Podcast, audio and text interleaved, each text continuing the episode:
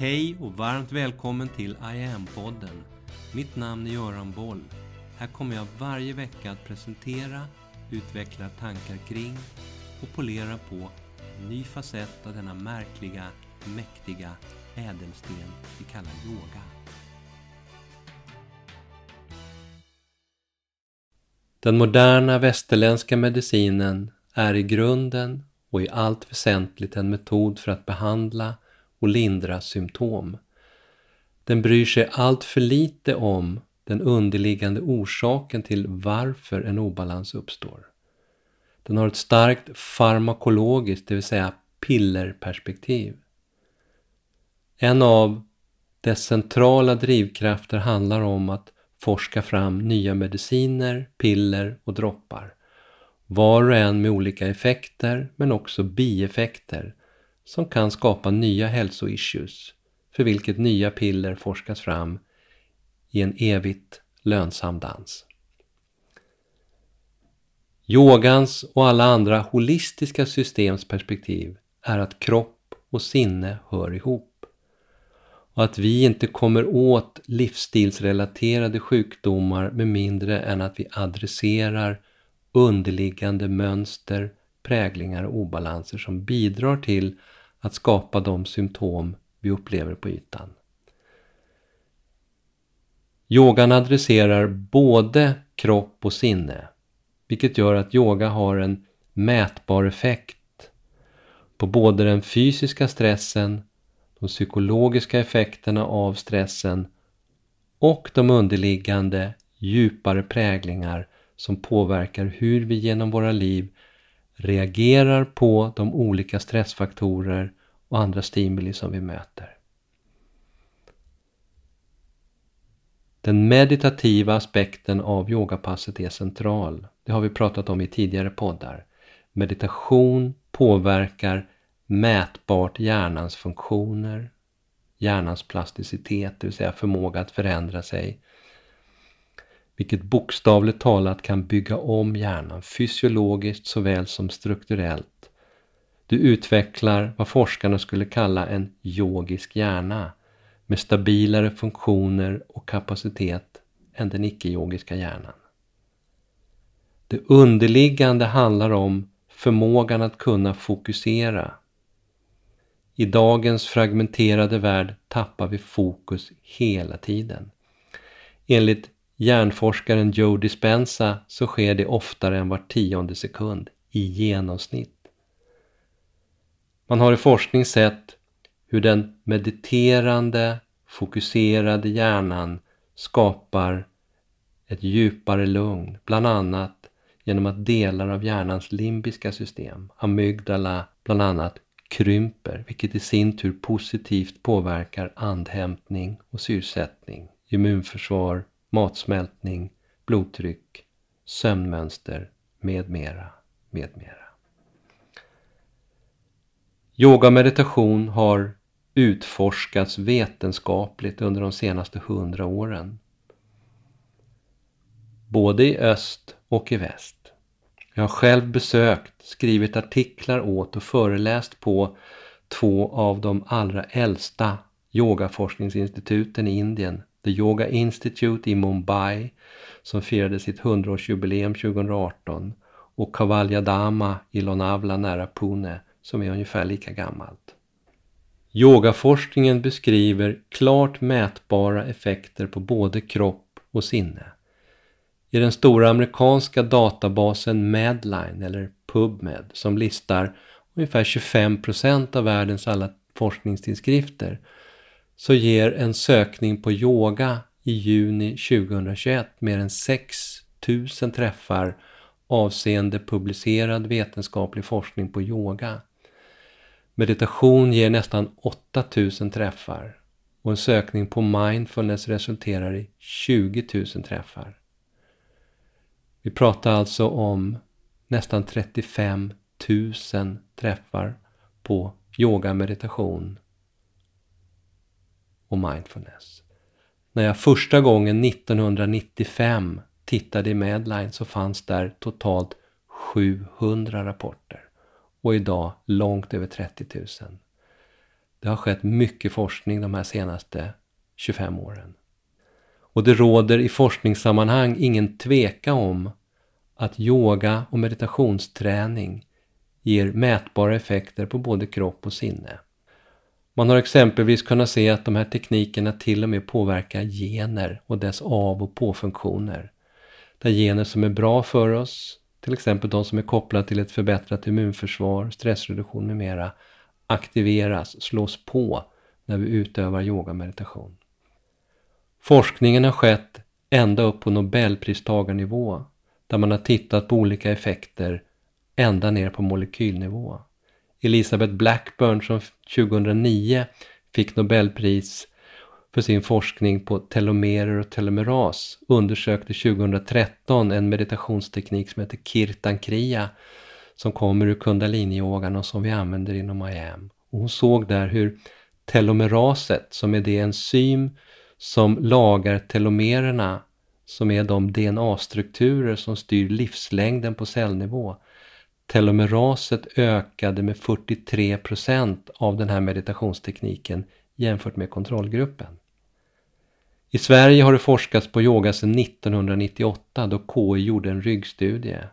Jag var med i den studien och har sedan dess medverkat i det mesta av den forskning som gjorts på yoga i Sverige. Så här i Sverige är 90% av all forskning gjord på medyoga.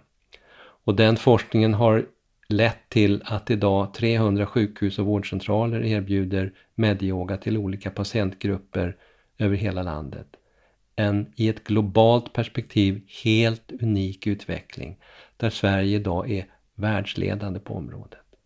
Yoga och meditation ger mätbara hälsoeffekter. Det handlar alltså inte bara om lite fys och avslappningsgympa på skoj. Det handlar inte enbart om en placeboeffekt där tron på någonting gör att vi får effekt. De här teknikerna skapar tydliga, mätbara effekter på alla nivåer. Och de uppfyller alla kriterier för det begrepp som idag kallas Mind-Body Medicine. Vid sidan av allt detta västerländskt mätbara så beskriver yoga, ayurveda, traditionell kinesisk medicin och andra holistiska system även rent energimässiga, kvantfysiska effekter av sina respektive interventioner, olika övningar, pass, meditationer med mera. Yogan till exempel beskriver effekter utifrån chakrasystemet där vår energimässiga anatomi påverkas. Sufiscirklar till exempel är bra för rotchakrat. Stretch pose stärker magchakrat. Björngreppet jobbar direkt på hjärtchakrat. Nackrullning påverkar halschakrat. Fokus i tredje ögat balanserar pannchakrat och så vidare. Alla övningar påverkar ett eller flera chakran direkt samtidigt som de också har en övergripande effekt på helheten. Yogans andningsövningar, har påverkan på flöde av prana, livsenergi genom våra nadis eller meridianer och så vidare och så vidare. Yogans systersystem ayurveda har genom årtusenden beskrivit yogans effekter utifrån sitt perspektiv. De pratar om gunas, rajas, tamas och sattvas. De pratar om element som jord, vatten, eld, luft och rymd. Om doshor, vata, pitta och kaffa. Framåtböjningar med huvudet lågt till exempel är balanserande för din vata. Kroppsvridningar och bakåtböjningar är bra för din pitta. Kraftfulla yogaövningar och eldandning är bra för din kaffa. Den traditionella kinesiska medicinen säger att meridianer, det yogan kallar för nadis, påverkas precis som flödet av chi och prana genom dem. Yogans olika positioner, vrid och böjmoment, mudras där fingrar trycker mot punkter på andra fingrar. Det här påverkar kroppens energisystem även utifrån ett traditionellt kinesiskt qigong-perspektiv. Tumme mot pekfinger skapar kontakt mellan lung och tjocktarmsmeridianen till exempel. Ut i fingrarna går dessutom meridianer kopplade till hjärta, hjärtsäck, tunntarm och trippelvärmare. Ett annat spännande område är det vi kallar Sacred Geometry som handlar om den geometriska synkronicitet som genomsyrar hela kosmos. Från de minsta fraktalerna upp till galaxernas spiralformer. Allting styrs utifrån specifika matematiska grundregler och konstanter som vi hittar överallt omkring oss. Det här kommer till uttryck i form av cykler, cirklar, vinklar, spiraler, mönster, vågrörelser och proportioner invävda i naturens eget underliggande kvantfysiska fundament. Alla övningar som vi gör i yogan har vid sidan av alla de andra även ett geometriskt perspektiv. Tumme mot pekfinger skapar en cirkel. Kattsträckning och andra ryggvridningar skapar spiraler. Andetagen skapar vågrörelser. Fokus i tredje ögat eller på nästippen skapar trianglar med spetsen riktad upp eller riktad ner och det påverkar olika delar av chakrasystemet. Min katt Tao, han säger att han har med att springa runt i geometriska cirklar runt honom hela tiden. Han säger att han tycker det är kul.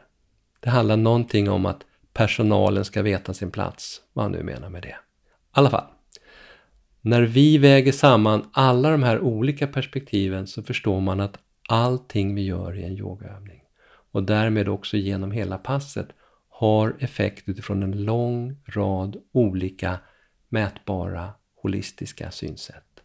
Fokus, koordination, andning, mantra, mudra, närvaro, vila, meditation med mera. Allting i yogan är som ett kvantmekaniskt pussel där bitarna påverkar varandra, de passar ihop, de skapar en större bild. Det är som ett recept med tydligt doserade ingredienser som hälls ner i grytan i en viss ordning, rörs om och som i slutändan skapar en fantastisk maträtt. Så, bon appetit in i yogan! Mitt namn är Göran Boll. Det var jag som skapade Medyoga och grundade Medyoga-institutet.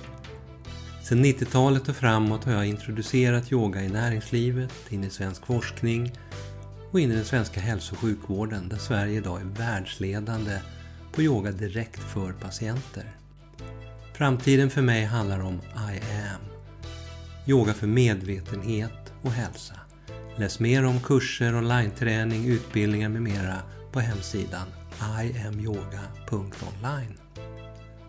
Följ oss gärna på sociala medier och tycker du om de här poddarna så tar jag tacksamt emot om du vill gå in på iTunes, Spotify och där poddar finns och ge mig ett betyg så vi blir fler som hittar in i yogans värld.